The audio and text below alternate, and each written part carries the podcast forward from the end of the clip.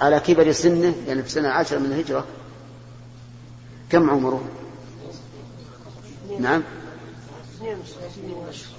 كم؟ إي نعم عمره 63 يعني حول فوق 62 قام في الناس يصلي صلاة طويلة طويلة طويلة. حتى إن بعضهم عجز عن القيام. وأصابه الغش من طول القيام. والنبي عليه الصلاة والسلام يصلي هذه الصلاة العظيمة التي هي آية في الشريعة. لأنه لا يوجد لها نظير. لا يوجد لها نظير في الشريعة كما أن الكسوف لا يوجد له نظير في الأيام المعتادة. فهي آية شرعية لآية كونية. وهذه مناسبة عظيمة لو كنا نتعقل ونتفهم. لماذا عدل الرسول عن الصلاة العادية إلى هذه لأجل أن نعرف أنها آية لآية؟ فتقول صار يصلي بالناس فجاءت أسمع فإذا الناس قيام يصلون وإذا هي قائمة تصلي يعني عائشة. فقلت ما للناس؟ فأشارت بيدها نحو السماء والظاهر والله أعلم أن أسماء أتت بعد أن بدأ التجلي. أو أنها أتت قبل أن ينتهي الكسوف الكلي. لأنه إذا كان كسوفا كليا فلا بد أن يتبين ويظهر. يعني تكون الأرض كأنك بالليل. أنا أدركت سنة من السنين عام 73 صار كسوف كلي. كل مرة. وصارت النجوم ترى في النهار. وصار ظلمة. الناس بدأ أوقدوا المصابيح في البيوت. لأنه صار ظلمة نعم. فالله على كل شيء قدير. المهم الظاهر أنها أنها إما قبل أن يتم الكسوف أو أنه بعد أن بدأ يتجلى. فأشارت بيدها نحو السماء وقالت سبحان الله. جمعت بين القول والفعل. وسبحان الله كلمة لا تبطل الصلاة لأنها ذكر مشروع في الصلاة. ليست كلام آدميين. و فقلت آية فأشارت أي نعم. هذه إشارتان. الأولى للسماء والثانية أي نعم. كيف تجرى أي نعم؟ بهز الرأس. آه بهز الرأس. بهز الرأس. أي نعم. طيب. فقمت يعني قامت تصلي. حتى تجلاني الغشي. تجلاني يعني صار مثل الجلال علي يعني غشاها مرة. وجعلت أصب فوق رأسي ماء مما حصل له من الغش فلما انصرف رسول الله صلى الله عليه وسلم حمد الله وأثنى عليه ثم قال ما من إلى آخر لما انصرف خطب. وكان يبدأ خطبه بالحمد والثناء. الحمد وصف المحمود بالكمال والثناء تكرار هذا الوصف ومن فسر الحمد بالثناء ففي تفسيره تساهل لأن الرسول عليه الصلاة والسلام قال إن الله قال قسمت الصلاة بيني وبين عبدي نصفين فإذا قال الحمد لله رب العالمين قال حمدني عبدي وإذا قال الرحمن الرحيم قال إيش أثنى علي عبدي. حمد الله وأثنى عليه. ثم قال نعم ويدل أيضا على أن الحمد غير أن, أن الحمد غير الثناء. قوله حمد وأثنى. والعطف يقتضي المغايرة. ثم قال ما من شيء كنت لم أره إلا قد رأيته في مقامي هذا حتى الجنة والنار. يعني ما من شيء لم أره مما أخبر الله عنه. مما سيكون إلا رآه في مقامه. هذا حتى الجنة والنار. رأى الجنة والنار رأي عين. ورأى في الجنة عنقودا فتقدم ليتناوله لكنه لم يفعل لم يتناوله. قال ولو تناولته لأكلتم منه ما بقيت الدنيا. ولكن الله عز وجل لم يريد أن يتناول منه شيئا. ورأى النار وفيها من يعذب حتى أنه خاف أن يصيبه من لفحها فتأخر عليه الصلاة والسلام. تقهقر. رأى فيها عمرو بن لحي الخزاعي يجر قصبه في النار يعني أمعاءه. لأنه هو أول من أدخل الشرك في العرب والسوائب ورأى فيها امرأة تعذب في هرة حبستها حتى ماتت. لا هي أطعمتها ولا أرسلتها تأكل من خشاش الأرض. ورأى فيها صاحب المحجن الذي يسرق الحجاج بمحجنه. رجل سروق لص يسرق الحاج بالمحجن إذا مر مع من عند الحجاج من عند أمتعتهم شبكها في المحجن إن تفطن له صاحب المتاع قال والله المحجن مسكها وإن لم يتفطن له مشى. حيلة لكنه يعذب في محجنه بالنار. نسأل الله العافية. فرأى شيئا عجيبا يقول في رواية أحمد لم أرى منظرا أفظع منه. لأنه رأى الجنة والنار والناس يعذبون فيها. صعبة. صعبة. ولهذا تأثر النبي عليه الصلاة والسلام تأثرا عظيما. وقام وخطب خطبة عظيمة بليغة. حتى قال إنكم سترون أمورا تنكرونها وتقولون هل ذكر لنا منها رسول الله صلى الله عليه وسلم شيئا؟ يقول ولقد أوحي إلي أنكم تفتنون في القبور مثل أو قريبا من فتنة الدجال. قريبا فيها نسختان قريبا وقريبا بدون تنوين. من فتنة الدجال لا أدري أي ذلك. قالت أسماء يعني هل قالت مثل فتنة الدجال أو قالت قريبا منها. فتنة الدجال مضرب المثل. لأنه ما ما بعد خلق آدم إلى قيام الساعة فتنة أشد من فتنة الدجال. ومن أراد أن يتبين له ذلك فليقرأ ما الأحاديث الواردة في ذلك. في القبور أيضا فتنة عظيمة. الإنسان ليس له إلا ساعات من أهله في الدنيا. ينفرد بعمله ويأتيه ملكان لم يرهما من قبل ويجلسانه ويناقشانه. هذه فتنة عظيمة نسأل الله لنا ولكم الثبات. فتنة عظيمة من أشد ما يكون من الفتن. ويسألانه عن أمر مقره القلب. ليس ليس الجوارح اللي يستطيع الإنسان أن يصلح. العمل الظاهر أمام الناس لكنه يسأل عن أمر باطن محله القلب. من ربك وما دينك ومن نبيك. غير غير المؤمن وإن كان قد حفظها عن ظهر قلب لا يوفق للإجابة. والمؤمن يوفق للإجابة. يقول ربي الله ونبي محمد ودين الإسلام. اللهم اجعلنا ممن يجيب بهذا الجواب. هذا هو الجواب السديد الذي به ينجو المرء. ويقول في الحديث ما علمك بهذا الرجل؟ يعني محمد صلى الله عليه وسلم. فأما المؤمن أو الموقن لا أدري أي ذلك قالت أسماء. فيقول هو محمد رسول الله. صلوات الله وسلامه عليه. جاءنا بالبينات والهدى.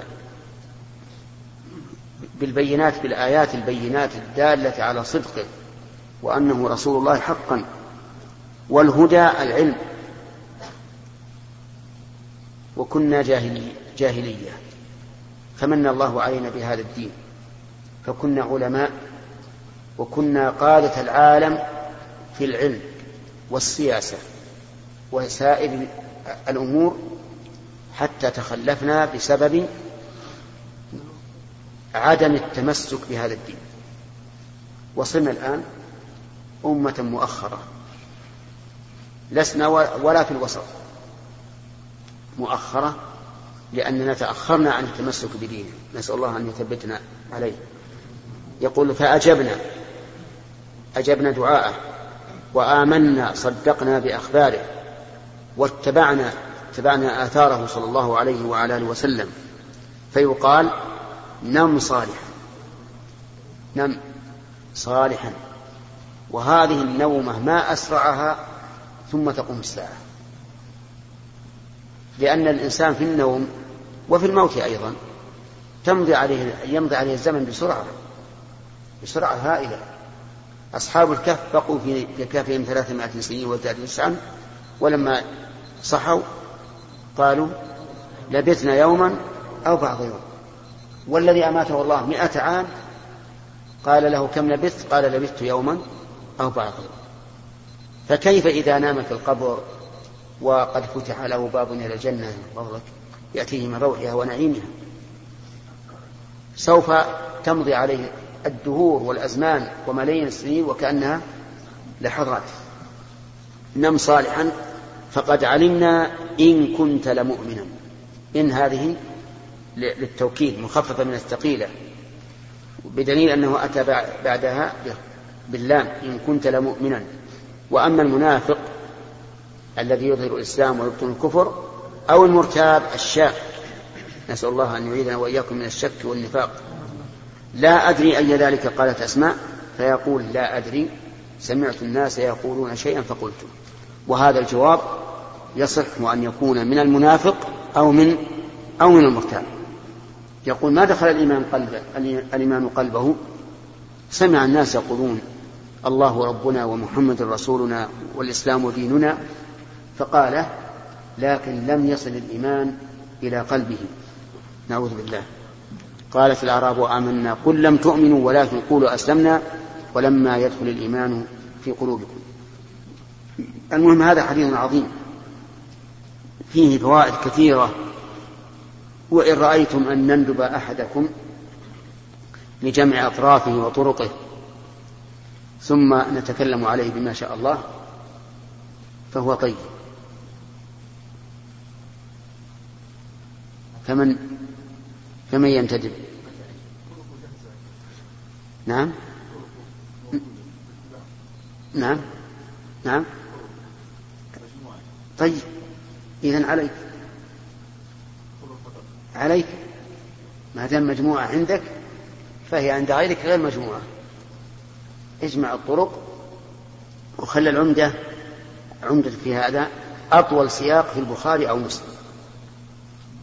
وبقية الروايات لفزهم بوسطه إذا كان يحتاج مثل ما صنع بعض العلماء في حديث جابر في حجة الوداع. عرفت؟ إذا نعم؟ في أقرب وقت ممكن.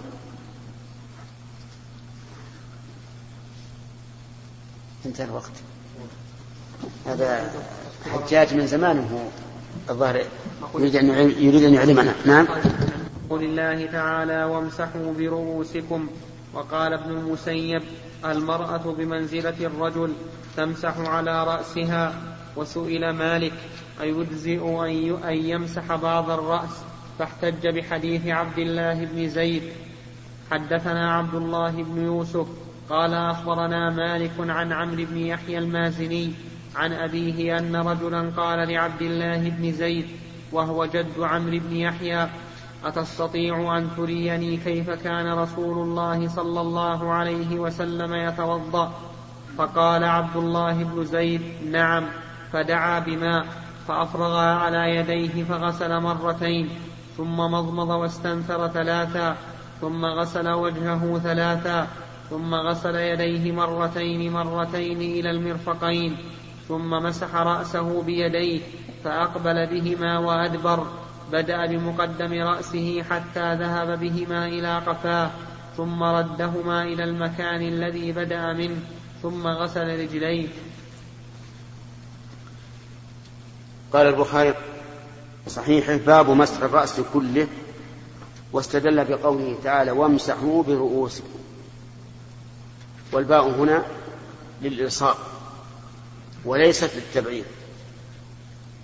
قال ابن برهان من زعم أنها تأتي للتبعيض يعني فقد قال ما ليس في اللغة العربية. فيقال مسحت بكذا أي ألصقت يدي به ماسحا. والرأس إذا أطلق يشمل كل منابت الشعر المعتاد وهو من منحنى الجبهة إلى أعلى العنق ومن الأذن إلى الأذن والبياض الذي بين الأذنين من الرأس والأذنان من الرأس لأن النبي صلى الله عليه وعلى آله وسلم كان لا يدع مسحهما. يقول وقال ابن المسيب المرأة بمنزلة الرجل تمسح على رأسها. لكنه لا يلزمها أن تمسح ما نزل عن منابت الشعر. ما نزل عن منابت الشعر فإنه لا يجب المسح لأنه ليس من الرأس. فإن قال قائل هو ليس من الرأس حال نزوله لكنه من الرأس في جذوره. فالجواب على هذا أن, أن نقول نحن مسحنا جذوره التي في الرأس. أما ما نزل فليس من الرأس. وبهذا استدل من قال إن المسترسل من اللحية لا يجب غسله مع الوجه. لأنه ليس من الوجه نازل. ولكن الصحيح وجوب ذلك. وجوب غسل ما استرسل من اللحية لا وجوب مسح ما استرسل من شعر الرأس. وذلك لأن ما استرسل من اللحية داخل في الوجه فإنه تحصل به المواجهة بلا شك. وأما ما استرسل من شعر الرأس فإنه لا يحصل به الترأس أي التعلي على البدن كله. ثم هذا النازل في حكم المنفصل. لأن الشعر في حكم المنفصل كالسن والظفر. لكن إذا كان على الإنسان عمامة ومسح عليها أجزأه وإن كان قد ظهر شيء من الرأس ولم يمسح عليه. لأنه لما كان عليه عمامة صار الحكم للعمامة. فمثلا إذا كان على الإنسان عمامة وظهر بعض الناصية وبعض القفاء وظهرت الأذنان فإن مسح هذا الظاهر لا يجب. لكن قال العلماء يسن مسحه مع الإمامة ولا يجب لأن الحكم صار للعمامة ثم استدل رحمه الله بحديث عبد الله بن زيد. وكذلك استدل به قبله الإمام مالك رحمه الله. وفيه ثم مسح رأسه بيديه. وهو صريح بأنه مسح كل الرأس. وأن الباء للإلصاق في الآية كما هي أيضا في الحديث. مسح رأسه بيديه. وفي حديث عبد الله بن زيد بالطريق الذي ساقه المؤلف هنا في هذا الباب وكذلك بالطريق الذي بعده دليل على جواز اختلاف العدد في الوضوء الواحد. وذلك لأنه يقول إنه مضمض واستنثر ثلاثا ثم غسل وجهه ثلاثا ثم غسل يديه مرتين مرتين. ثم مسح نعم ثم مسح رأسه بيديه فأقبل بهما وأدبر ثم غسل رجليه ولم يذكر عددا. فصار العدد بالتنازل الوجه ثلاث واليدان اثنتان والرجلان مرة واحدة. ولو عكس لكان جائزا. لكن الأفضل أن لا يعكس وأن, وأن يتقيد بما جاءت به السنة. نعم. سليم. الحديث السنة مرض مثل في السن والفراغ يعملون يعملون الناس فيه لو ولا حديث ولا ولا ولا حديث على على قيام الشمس. حتى أهل العلم هذا السؤال في مسلم. لا لا غدا إن شاء الله. تأتي به غدا. نعم عليان. إيش؟ نعم. لا يصح الوضوء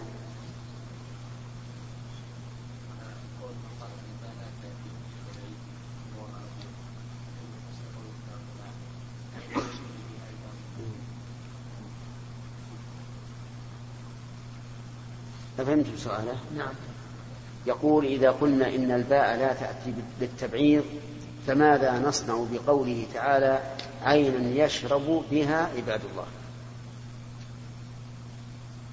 يشرب بها عباد الله. والجواب من أحد وجهين. إما أن نقول الباء بمعنى منه كقوله تعالى يأكل مما تأكلون منه ويشرب مما تشربون يعني منه. وكقوله تعالى فشربوا منه إلا قليلا. منه وتناوب الحروف أمر مشهور في اللغة العربية. وهو الذي ذهب إليه الكوفيون. لأن مذهب الكوفيين أسهل من مذهب البصريين. إذا ورد مثل هذا الإشكال قال الباب بمعنى منه مشى والقول الثاني أن الاستعارة في الفعل في الفعل وأن يشرب مضمن معنى يروى. فيكون في ذلك زيادة فائدة وهو أنهم يشربون شربا يروون به. والتضمين في الفعل تضمين الفعل لفعل آخر أيضا كثير في اللغة العربية. نعم. أخذنا ثلاثة. نعم. سؤال لكنه رد في غير محله. نعم. باب غسل الرجلين إلى الكعبين. حدثنا موسى قال حدثنا وهيب عن عمرو عن أبيه. شهدت عمرو بن أبي حسن. سأل عبد الله بن زيد عن وضوء عن عن وضوء النبي صلى الله عليه وسلم فدعا بثور من ماء. فتوضأ لهم وضوء النبي صلى الله عليه وسلم فأكفأ على يده من الثور فغسل يديه ثلاثا ثم أدخل يده في الثور فمضمض واستنشق واستنثر ثلاث غرفات ثم أدخل يده فغسل وجهه ثلاثا ثم غسل يديه مرتين إلى المرفقين ثم أدخل يده فمسح رأسه فأقبل بهما وأدبر مرة واحدة ثم غسل رجليه إلى الكعبين. هذا هذا كالأول. إلا أن فيها أنه غسل الكفين ثلاثا والأول مرتين. غسل الكفين قبل غسل الوجه. وفيه أيضا دليل على دليل واضح أن الرجلين يوصلان إلى الكعبين. وهو كذلك في القرآن. ولكن هل الكعبان داخلان؟ الجواب نعم. وإن كان الأصل في اللغة العربية أن ما بعد الغاية غير داخل. لكن هنا دلت السنة على أن الكعبين داخلان في الأصل وكذلك يقال في المرفقين. وما هما الكعبان؟ الكعبان هما العظمان الناتئان في أسفل الساق. كذا يا محمد. نعم. وقيل إنهما العظمان الناتئان في ظهر الساق. وهذا وهذا القيل في ظهر القدم صح. في في ظهر القدم. وهذا القيل هو قول الشيعة الرافضة. وقد ذكر ابن كثير رحمه الله في تفسيره أن الرافضة خالفوا السنة في تطهير الرجل من ثلاثة وجوه. أولا أن منتهى الفرض عندهم هو الكعب الناتئ في ظهر القدم. والثاني أن الفرض هو المسح للغسل. والثالث أنهم لا يمسحون على الخفين. مع ثبوت السنة به ومع أن أحد الذين رووا أحاديث مسح على الخفين من؟ علي بن أبي طالب رضي الله عنه وفي هذا الحديث دليل على صفة المسح على الرأس أنه يقبل بيديه هكذا ويدبر قال العلماء والحكمة من ذلك أن شعر الرأس مقبل ومدبر فإذا مسحه مقبلا ومدبرا شمل المسح ظاهر الشعر وباطن الشعر. فإن قال إنسان وهل المرأة كذلك؟ فالجواب نعم لأن الأصل تساوي الرجال والنساء. لكن النساء يشكين من كون المرأة تمر يديها على رأسها ثم ترجع قالوا لأنه يفسد الشعر. فيقال امسحي بغير بغير اتكاء على على الراس. يعني لا تضغط ضغط كبير تمسح مسح يعني يمشي على الرأس سهلا وحينئذ لا يضرها نعم شرف. كيف؟ أقبل بهما بمعنى بدأ بما يقابل. حميدي. يجب وجوب؟ يعني بمعنى أنه لا بد أن يتمضمض و... لا الاستنثار سنة. والاستنشاق واجب. لأن المقصود هو تطهير داخل الأنف وهذا يحصل بالاستنشاق لكن الاستنثار أطيب وأطهر. الاستنثار.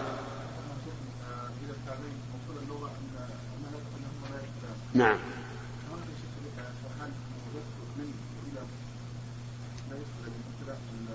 كيف؟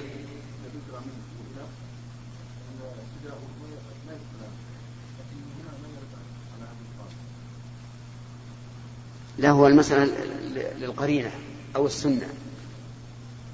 ولكن لعلك تقول إنه إذا ذكرت من فإن فإنه يكون الابتداء من عندها. مثل لو قلت اغسل يدك من أطراف الأصابع إلى المرفقين فهنا نبدأ بغسل اليد من أطراف الأصابع. لكن إذا قال إلى المرافق اغسلوا أيديكم إلى المرافق فهذا يكون فيه دليل على الانتهاء لا على الابتداء. ولهذا لو أنك غسلت آه، أعلى الذراع من عين المرفق قبل غسل الكف فليس عليك بذلك جناح سليم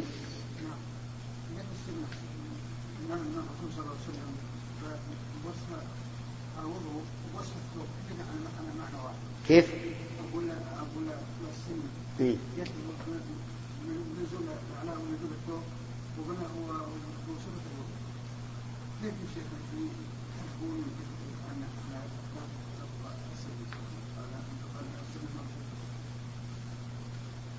واللي يقولون عنه على على أدماء النبي على نعم.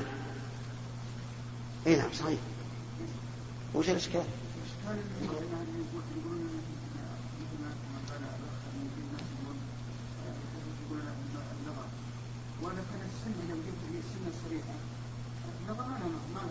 ما في شك. إي نعم. باب استعمال فضل هذا الشيعة يرون الثوب يصل إلى ظاهر ما ندري عن مسألة الثوب ما نعرف. نعم. باب استعمال فضل وضوء الناس. وأمر جرير بن عبد الله أهله أن يتوضأوا بفضل سواكه. حدثنا آدم قال حدثنا شعبة قال حدثنا الحكم قال سمعت أبا جحيفة يقول خرج علينا رسول الله صلى الله عليه وسلم بالهاجرة فأتي, فأتي بوضوء فتوضأ. فجعل الناس يأخذون من فجعل الناس يأخذون من فضل وضوئه فيتمسحون به. فصلى النبي صلى الله عليه وسلم الظهر ركعتين والعصر ركعتين وبين يديه عنزة. وقال أبو موسى دعا النبي صلى الله عليه وسلم بقدح فيه ماء فغسل يديه ووجهه فيه ومج فيه. ثم قال لهما اشربا منه وأفرغا على وجوهكما ونحوركما. حدثنا علي بن عبد الله قال حدثنا يعقوب بن إبراهيم بن سعد قال حدثنا أبي عن صالح عن ابن شهاب قال أخبرني محمود بن الربيع قال وهو الذي مج رسول الله صلى الله عليه وسلم في وجهه وهو غلام من بئرهم. وقال عروة عن المسور وغيره يصدق كل واحد منهما صاحبه. وإذا توضأ النبي صلى الله عليه وسلم كانوا يقتتلون على وضوئه. حدثنا عبد الرحمن حدثنا عبد الرحمن باب. هذا عندنا باب. يقول مالك رحمه الله باب استعمال فضل وضوء الناس. وضوء يعني الماء الذي توضأوا به. ووضوء هو الفعل. ثم ذكر أثر جرير بن عبد الله رضي الله عنه أنه أمر أهله أن يتوضأوا بفضل سواكه كأنه رضي الله عنه يغسل سواكه في, الإناء وأمر أهله أن يتوضأوا بذلك. ثم ذكر حديث أبي جحيفة وفيه أن النبي صلى الله عليه وعلى آله وسلم توضأ من الماء الذي أتي به إليه فجعل الناس يأخذون من فضل وضوئه فيتمسحون به. والظاهر أن هذا على سبيل التبرك يتمسحون بفضل وضوئه وهذا كان في الأبطح في حجة الوداع. يقول فخرج النبي صلى الله عليه وسلم فصلى النبي صلى الله عليه وسلم الظهر ركعتين والعصر ركعتين وهو قد خرج بالهاجرة. والهاجرة شدة الحرب. فيستفاد من هذا الحديث فائدة وهي جواز الجمع للمسافر وإن كان نازلا. لأن النبي صلى الله عليه وعلى آله وسلم كان نازلا. ويؤيد ذلك أنه جمع في تبوك وهو, وهو نازل. ولهذا كان القول الراجح في هذه المسألة أن الجمع في السفر للنازل جائز لكن تركه أفضل. ولا ينبغي ولا ينبغي فعله إلا لحاجة. ما لم يجد به السير فإن جد به السير ف... فإن الجمع أفضل. فيكون الجمع في السفر دائرا بين الأفضلية وبين الجواز. فإن كان السير قد جد في الإنسان فالأفضل أن يجمع. إما تقديما وإما تأخيرا حسب المتيسر له. وإن لم يجد به السير فترك جمع. الأفضل إلا لحاجة. ومن الحاجة أن يرى الإنسان أنه محتاج للراحة والنومة الطويلة. ومن الحاجة أن يكون الماء قليلا. فيحب أن يصلي بطهور بطهور ماء بطهور ماء فيجمع. المهم أن الجمع للنازل جائز وتركه أفضل والجمع للسائر أفضل من تركه. وفي أيضا صلاة النبي صلى الله عليه وسلم الرباعية قصرا وهو نازل وهو كذلك. فإن المسافر يسن له أن يصلي الرباعية ركعتين. ولكن هل يتقيد ذلك بمدة أو لا؟ في هذا خلاف بين أهل العلم. يبلغ فوق العشرين قولا. وذلك لأنه ليس هناك سنة صريحة تفصل بين الأقوال. فمنهم من قال إذا نوى أكثر من أربعة أيام وجب عليه الإتمام وهذا المشهور من مذهب الإمام أحمد رحمه الله. ومنهم من قال إذا نوى إقامة أربعة أيام أتم ولكنها أربعة صافية يحذف منها يوم يوم الدخول ويوم الخروج فتكون في الحقيقة ستة أيام. وهذا مذهب الشافعي. ومنهم من قال إذا نوى إقامة خمسة عشر يوما وهذا مذهب أبي حنيفة رحمه الله. ومنهم من قال إذا أقام تسعة عشر يوما. وهذا قول ابن عباس رضي الله عنه عنهما. لأن النبي صلى الله عليه وسلم أقام في مكة تسعة عشر يوما يقصر الصلاة يصلي ركعتين. ومنهم من قال لا حد لذلك ما لم يعزم الإقامة المطلقة أو يستوطن. وهذا اختيار الشيخ الإسلام ابن تيمية وهو الأظهر من الأدلة. ويدل لهذا أن الإنسان إذا أقام لحاجة لا يدري متى تنقضي فإنه يقصر أبدا وإن طالت المدة حتى وإن غلب على ظنه أنها لا تنقضي إلا بعد أربعة أيام. فإنه يقصر. فيكون فرق بين بين القول الذي يكاد يكون متفقا عليه وبين القول الراجح. الفرق أن ذلك ظن وهذا يقين. بمعنى أن من قال أنا أقيم حتى تنقضي حاجتي وهو يغلب على ظنه أنها ستبقى شهرين أو ثلاثة. هذا ظن. وأما من عزم علم أنها لا تنقضي إلا بعد شهرين فهذا يقين. فالقول فالأول قال به أكثر العلماء قالوا إذا أقام لحاجة لا تدري ما لا يدري متى تنقضي ولو غلب على ظنه أنها تنقضي أنها لا تنقضي إلا بمدة بعد الأربعة فإنه يصلي قصرا وإن طالت المدة. فيقال أي فرق بين هذا وهذا؟ ما دمت تعرف أن هذه الحاجة لا يمكن أن تنقضي حسب ظنك قبل أربعة أيام فلا فرق. فالقول الذي تطمئن له النفس ما اختاره شيخ الإسلام رحمه الله. أنه لا حد لذلك. وفي أيضا الصلاة إلى سترة لقوله وبين يديه عنزة. وفيه أيضا أن الإنسان يتوسط من السترة. وقال بعض العلماء بل يجعلها على الجانب الأيسر أو الأيمن لئلا يصمد إليها صمدا. وفي ذلك حديث لكنه فيه لين. سنده ليس بذاك القوي وفيه أيضا نعم. طيب إذا قال قائل التمسح بفضل وضوء الرجل الصالح يجوز؟ الرسول تمسح بفضل وضوء. هذا خاص به.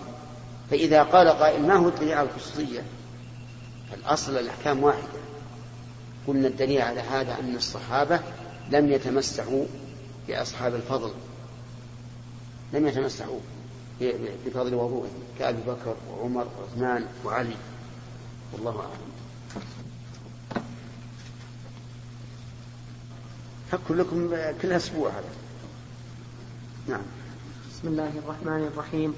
الحمد لله رب العالمين وصلى الله وسلم على نبينا محمد وعلى آله وصحبه أجمعين.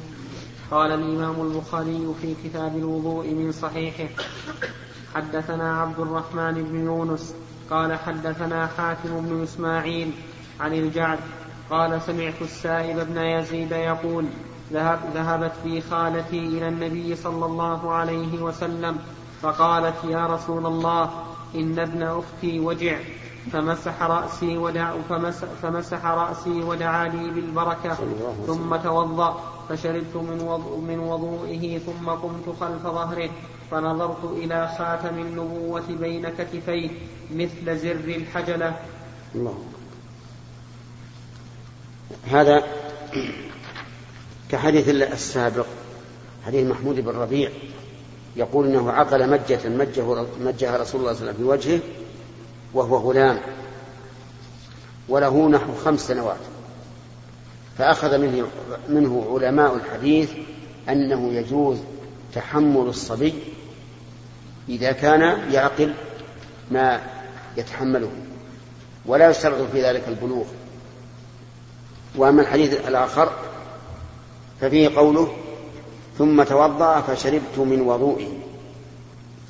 ففيه بيان جواز استعمال الماء المتوضأ به. وفيه أيضا أنه يجوز الإخبار بالمرض لكن بشرط أن لا يقصد بذلك الشكوى وإنما يقصد بذلك مجرد الخبر. لأنه إذا قصد بذلك الشكوى فقد اشتكى الخالق إلى المخلوق. أما إذا قصد الخبر فقط فلا بأس. وفي أيضا كرم النبي عليه الصلاة والسلام حيث مسح رأسه ودعا له بالبركة. ومكنه من الشرب من وضوئه وأظن ذلك وأظنه والله أعلم أظن أن هذا الصبي أنه شفي. بما حصل له من مسح من مسح النبي صلى الله عليه وسلم رأسه ودعائه بالبركة وشربه من وضوءه. وفيه إثبات خاتم النبوة بين كتبي كتبي الرسول عليه الصلاة والسلام. مثل زر الحجلة. الحجلة خيمة صغيرة تكون في البيت والزر الإزرار الذي تربط به.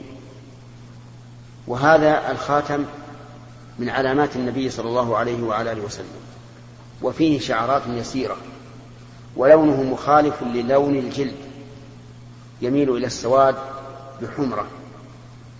هذا خاتم النبوة وقد ذكر في قصة إسلام سلمان الفارسي رضي الله عنه أنه تنقل من سيد إلى سيد ووصفوا له النبي صلى الله عليه وعلى آله وسلم وكان من جملة ما وصفوا له ان أن فيه أن في ظهره أو بين كتفيه خاتم خاتم النبوة.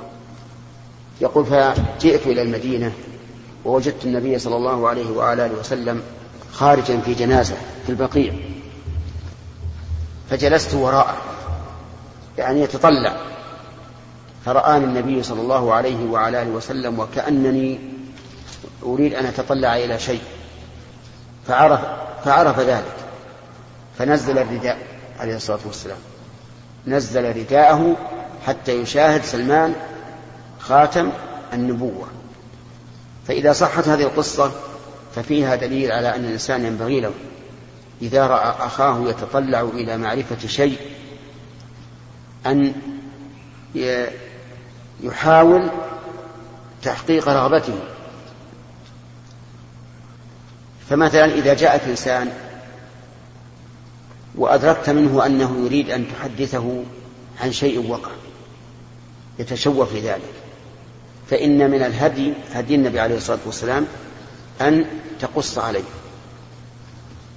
كذلك إذا تطلعت منه أو عرفت منه أنه يريد أن يسأل عن حياتك الشخصية مثلا. فإن من هدي الرسول عليه الصلاة والسلام أن تخبره.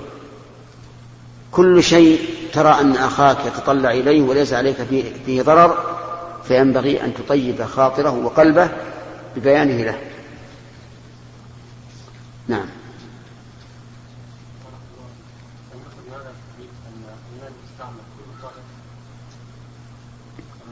هو لا شك أنه طاهر. ولكن هل هو طهور أو لا؟ من العلماء من يقول إن المستعمل في طهارة واجبة طاهر غير مطهر لكن الصواب أنه طهور وأن الماء لا ينقسم إلا إلى قسمين اثنين فقط هما طهور ونجس فقط. إذ لا دليل على تقسيم الذي ذكره الفقهاء رحمهم الله بأنه طهور وطاهر ونجس وبعضهم يزيد ومشكوك فيه. فالصواب أن الماء إما نجس إن تغير بنجاسة وإما طهور إذا لم يتغير بنجاسة. نعم. باب من مضمض واستنشق من غرفة واحدة. حدثنا مسدد. قال حدثنا خالد بن عبد الله. قال حدثنا عمرو بن يحيى عن أبيه عن عبد الله بن زيد أنه أفرغ من الإناء على يديه فغسلهما ثم غسل أو مضمض واستنشق من كف واحدة ففعل ذلك ثلاثا فغسل يديه إلى المرفقين مرتين مرتين ومسح برأسه ما أقبل وما أدبر وغسل رجليه إلى الكعبين ثم قال هكذا رسول الله صلى الله عليه وسلم. الشاهد من هذا الحديث قوله مضمض واستنشق من كف واحدة يعني كل الثلاث من كف واحدة وهذا قد يكون فيه صعوبة عظيمة. أن تأخذ بكف واحد وتمضمض وتستنشق ثلاث مرات. ولهذا ورد في بعض الصفات أنك تمضمض وتستنشق من كف واحد ثم تعيد كفا آخر أيها ثم كفا ثالثا. في ختام هذه المادة وهذا نسأل وهذا الله أن نلقاكم في لقاءات. متجددة. مع تحيات. مؤسسة الاستقامة الإسلامية للإنتاج والتوزيع في عنيزة. شارع هلالة. رقم الهاتف والناسخة الهاتفية صفر ستة ثلاثة ستة أربعة